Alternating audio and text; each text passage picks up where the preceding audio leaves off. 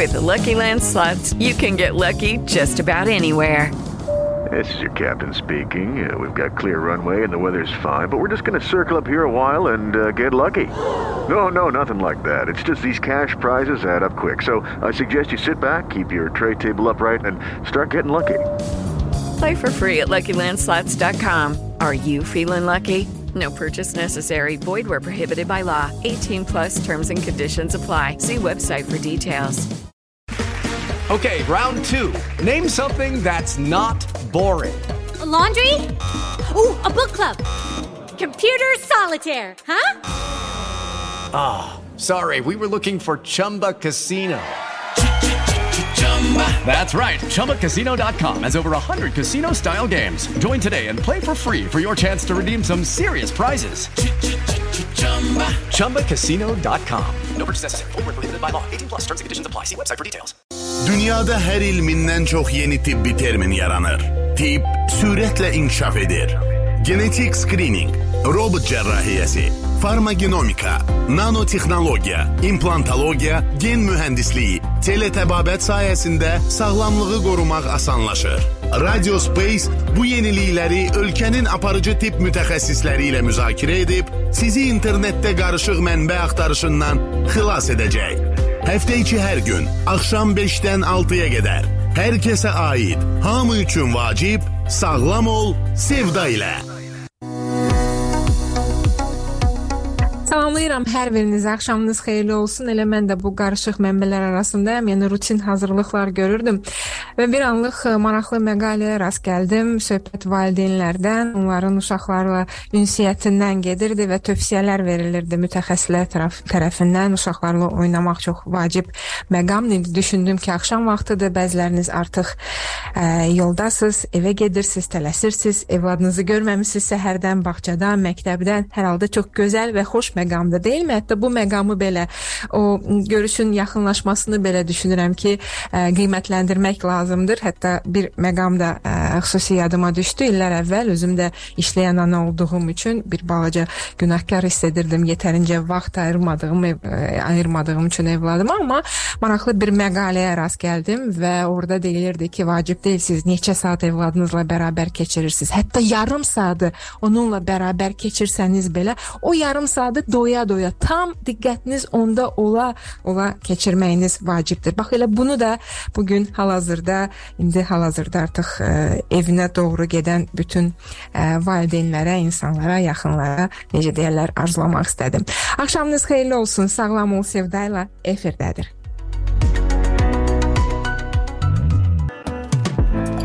Sevda ilə sağlam ol davam edir. Dünyada hər gün demək olar ki, hər hansı bir xəstəliklə bağlı xüsusi tədbirlər, günlər, dünya günləri keçirilir. Elə bu gün də oktyabrın 12-si dünyada artrit günü qeyd olunur. Artrit nədir əslində? Mənə elə gəlir ki, hamı bunu bilməlidir, amma mən e, bilirəm ki, belə deyil. Yəni artrit nədir e, və nə kimi təhlükələri ola bilər? Nəyə görə elə bir əhəmiyyət daşıyır ki, bu barədə hətta xüsusi gün ayırıblar ilin təqvimində. Nəinki gün, hətta ay da var. Tamamilə artrit xəstəliklər xəstəliklərinə həsr olunmuş. Yəni bu barədə birazdan danışacağıq. Artritlə üzləşən insanlar varsa, sizin üçün xüsusi mesajımız var mütəxəssisdən. Birazdan eşidilərik. Deyilənlərə görə, bəli, yəni ə, dəri xəstəliklərində, ümumi bədənin toksinlərdən təmizlənməsində deyilənə görə sarı rəngdən müəyyən dərəcədə bilirsiniz rəng terapiyası var. Ondan istifadə eləyirlər və hətta ə, sinir problemləri olanda, çox əsəbi olanda da sarı rəng yaxşı təsir eləyir. Həmçinin iştahı qaldırmaq üçün bəzən sarı rəngdən də yararlanırlar. Bax belə özəl yaxşı tərəfləri də var sarı rəngin. Salamlayıram hər birinizi. Sağlam ol Sevda ilə efirdədir və bu gün 12 oktyabr tarixində ə, e, göz, yəni e, eşidirik sizinlə yeri gəlmişkən ə, e, daha bir özəl ə, məqam yəni, bu gün Space müstəqil televiziya və radio şirkətinin yaranma günüdür və şirkət artıq 21 5 illik yubileyini qeyd edir bu gün. Mən də ə, bütün təbriklərə qoşulmaq istəyirəm. Space müstəqil televiziya və radio şirkəti 97-ci ildən fəaliyyət göstərir və bu müddət ərzində şirkətin ə, istər televiziya, istərsə də radio verişlərində müxtəlif format dəyişiklikləri olub və biz bu format dəyişiklikləri yaşamışıq, görmüşük, müzakirə etmişik. Hər halda ə, mütəmadi olaraq dinləyici və tamaşaçı auditoriyası da dəyişib. Mən ə, yəni ə, ə, daha belə deyək də ə, gözəl ə, təbii ki, ə, peşəkar, ə, yəni imkanlar ə, baxımından ə, xüsusilə bütün ə, şirkətin işçilərinə ə, belə deyək ki, gözəl perspektivlər arzulayıram və ə, gözəl inkişaf arzu edirəm. Ə, hər zaman ə, baxılan, dinlənilən və sevilən olasınız. İstərdim ki, ə, bax bu tarixi qeyd edim. Amma daha bir tarix var. Bu tarixi daha çox ə, sağlamlıqla məşğul olan insanlar qeyd edirlər. Söhbət ə, 12 oktyabr ümumdünya artritlə mübarizə günü haqqında gedir. Mən istərdim biraz bu barədə danışım. Ümumiyyətlə ə, nədir artrit? Sadə dildə desək, əslində bu düzəlməyən bir haldır. Artrit bir və ya bir neçə oynaqda infeksiya, düzgün olmayan metabolizm, immunitet sistemindəki pozuntular nəticəsində yaranan yaranan iltihabi prosesin törətdiyi xəstəliklər qrupudur.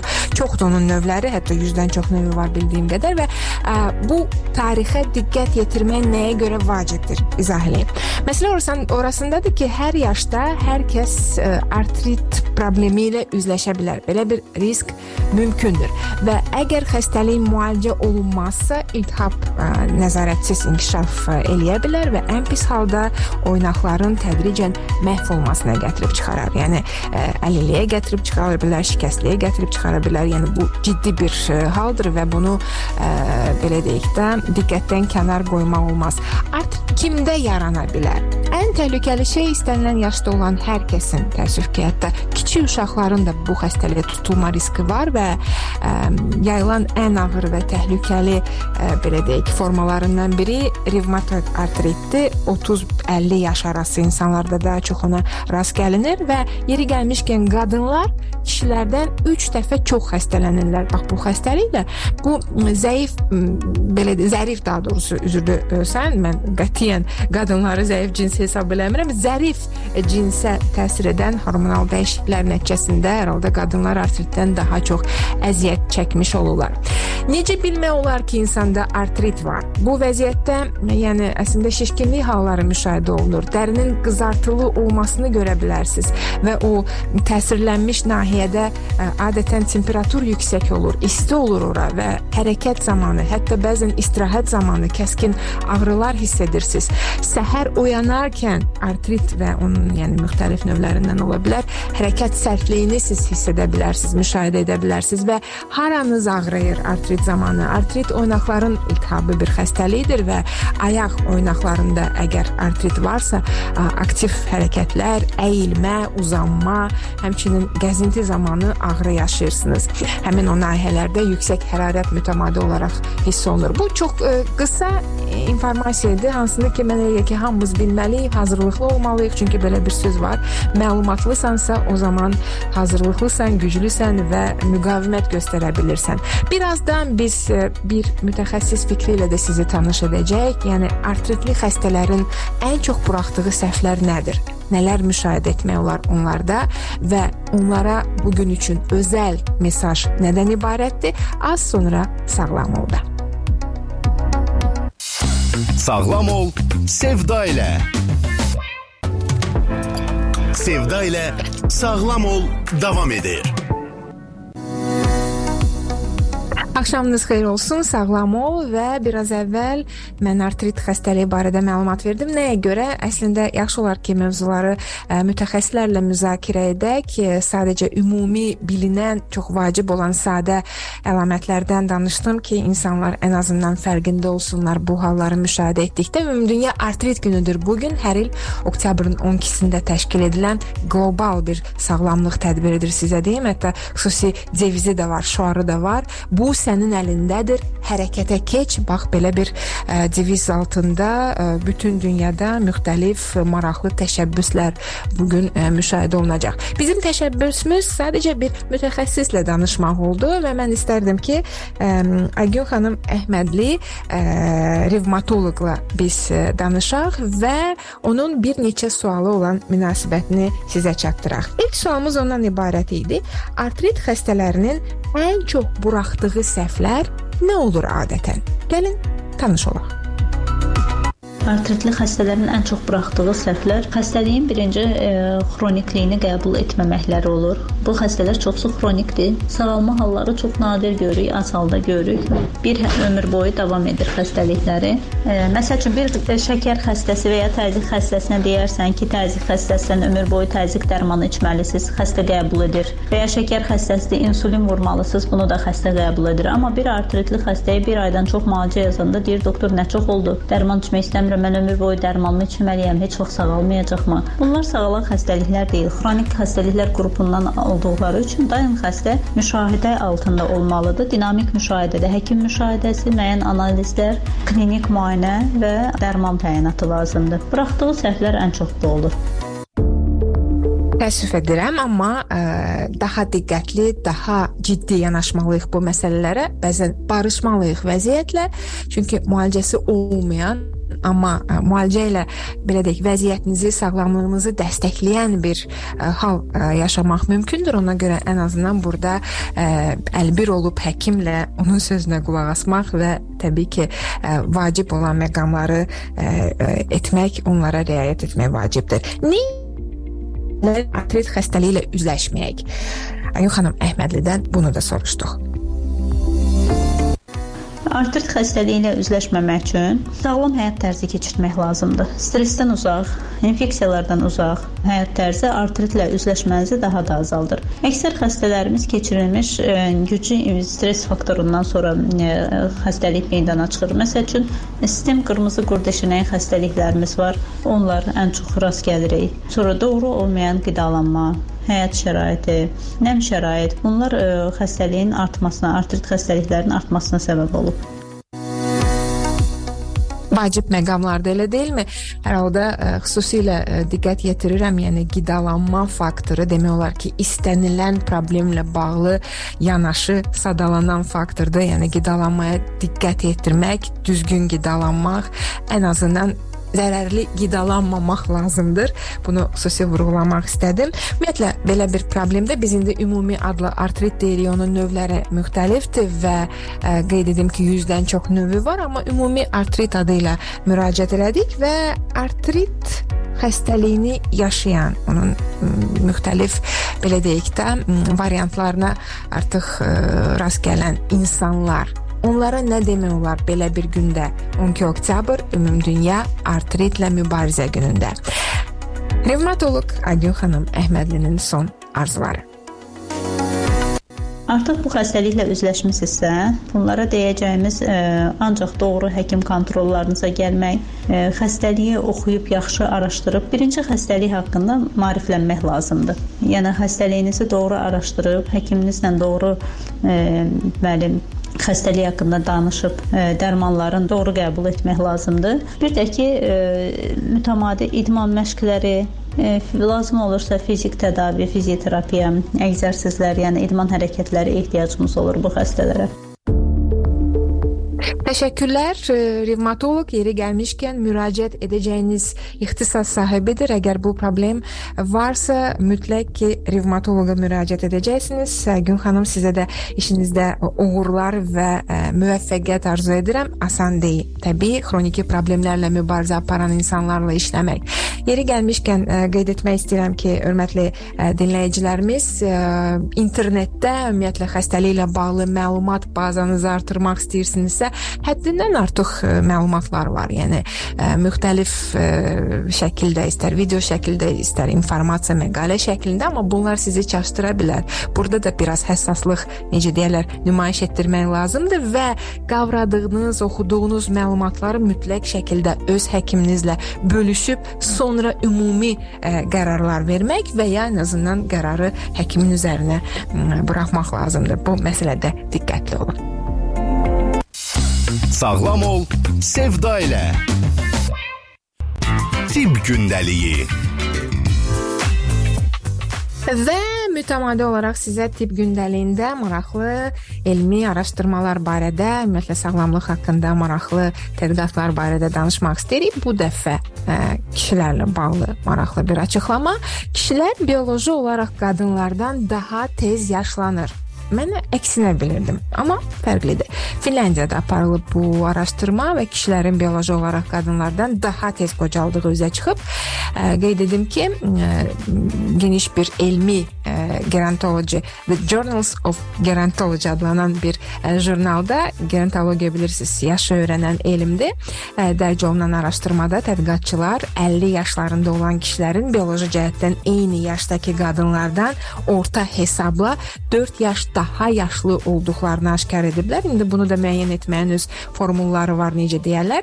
Kişilərin daha ə, sürətli bioloji yaşlanması onların daha tez-tez siqaret çəkmələri və bədən quruluşlarının daha böyük olması ilə ə, izah edilir. Ə, yeri gəlmişkən daha bir maraqlı fakt, əkizlər arasında hətta fərqlər var.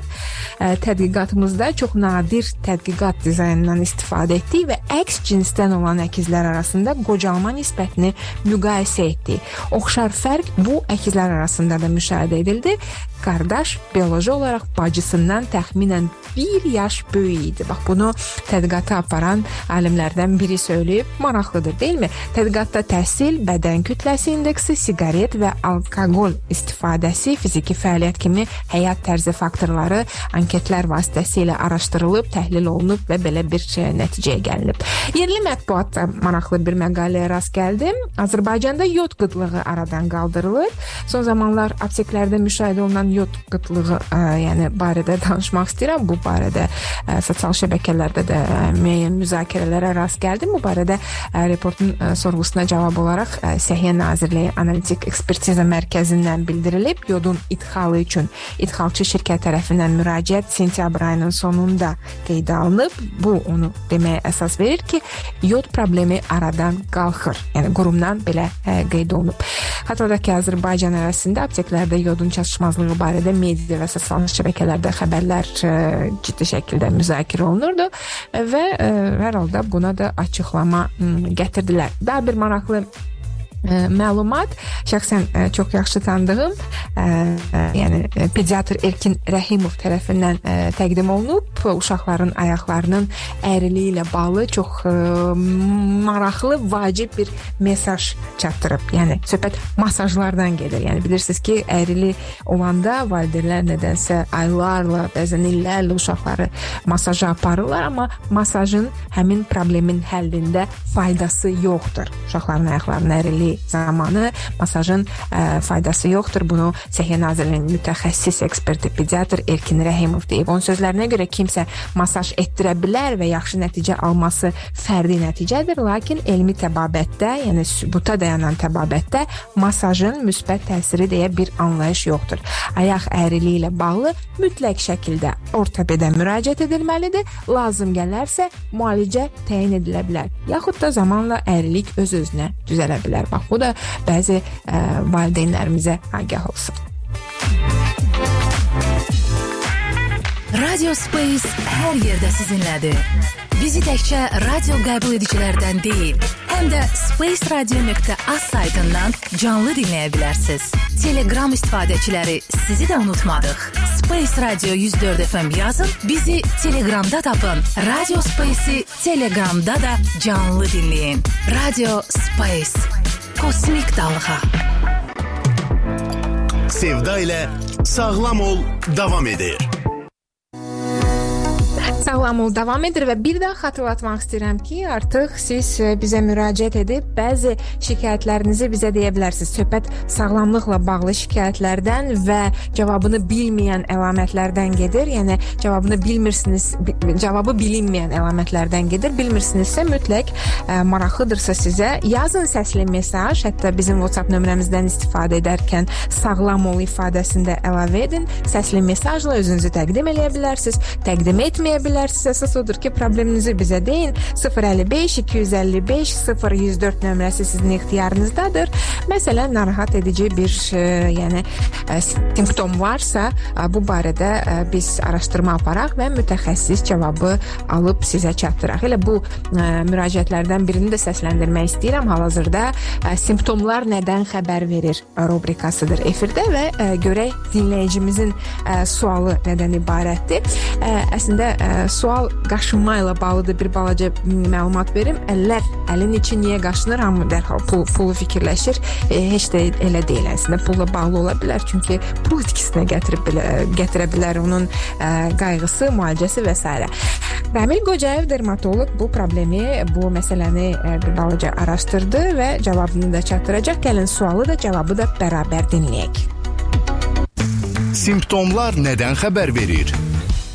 Mən rayon yerində yaşayıram. Əslində biz kənddə yaşayırıq. Mənim illərdir barmağımın arasından qaşıntı başlayır, çeçələ barmağımın arasından balaca barmağımın bütün barmaqlarımın arasına yayılır. Ovucumun içi, barmaqlarımın üstü, əlimin üstü, yəni biləyimdən yuxarı keçmir.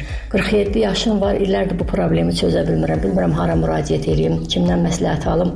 Ən çox da yaz fəslində olur. Nəsə yağlı bir şey yeyəndə olur. Ona görə zəhmət olmasa kömək eləyərdiniz, bir yol göstərərdiniz. Mən bu problemdən çox əziyyət çəkirəm. Xanımda olan məsələ dərinin ekzematoz xəstəliyinə bənzəyir. E, dərinin e, deməli allergik reaksiyasına bənzəyir. Bu cür insanların əsas problemi irsi olaraq allergiya meylli olmaları, bundan başqa e, xarici yuyucu vasitələrlə çox kontaktda olmaları və hər hansı bir maddələr mübadiləsinin pozulması nəticəsində yaranan bir xəstəlikdir. Ekzema xəstəliyinin əsas deməli göstəricilərindən biri əlin qızartısı, qaşınması, çatlaması və deməli quruluğu kimi əlamətləri əlamətlərdir. Müalicənin taktikası birinci növbədə xəstənin müayinəsindən asılıdır və dermatoloqa mütləq müraciət etməlidir ki, ilkin olaraq diaqnoz qoyulsun və müalicə aparılsın. Ancaq pasientin özündən də bəzi məsələlər asılıdır. İlk olaraq e, deməli e, yuyucu vasitələrlə ehtiyatlı olmaq, əlləri deməli istifadə edən zaman kəskin e, quruducu sabunlardan istifadə etməmək, e, nəmləndiricilərdən istifadə etmək, e, əsas məsələ yuxusuz qalmamaq, o da böyük təsir göstərir və s. Bu kimi tövsiyələrdə deməli xəstə pasientimiz tövsiyələrlə təmin olunsa və özü də özünə nəzarət eləsə, bu kəskin xəstəlik fonundan çıxar. Arada bir yenə də yaranma ehtimalı var və müalicə taktikasını dermatoloqun nəzarəti altında aparmaq lazımdır. Sağlam ol, sevda ilə. Sağlam ol Sevdayla və simptomlar araşdırırıq. Ramil Qocayev dermatoloq təşəkkürlər. Dinləyicilərimizə də təşəkkürlər. Siz də əgər müəyyən konkret spesifik şikayətiniz varsa 055 255 0104 nömrəsinə yığa bilərsiniz. Bu günlük bu qədər dostlar. Mən təşəkkürümü bildirirəm hər birinizə diqqətiniz üçün və təbii ki, yenidən görüşmək arzusu ilə yeri gəlmişkən az sonra Teymur və Nicat sizi salamlayacaq. Onların da çox maraqlı mövzusu var. 18 yaşdan sonra övladı tək yaşamağa buraxmaq olar olar yoxsa olmaz?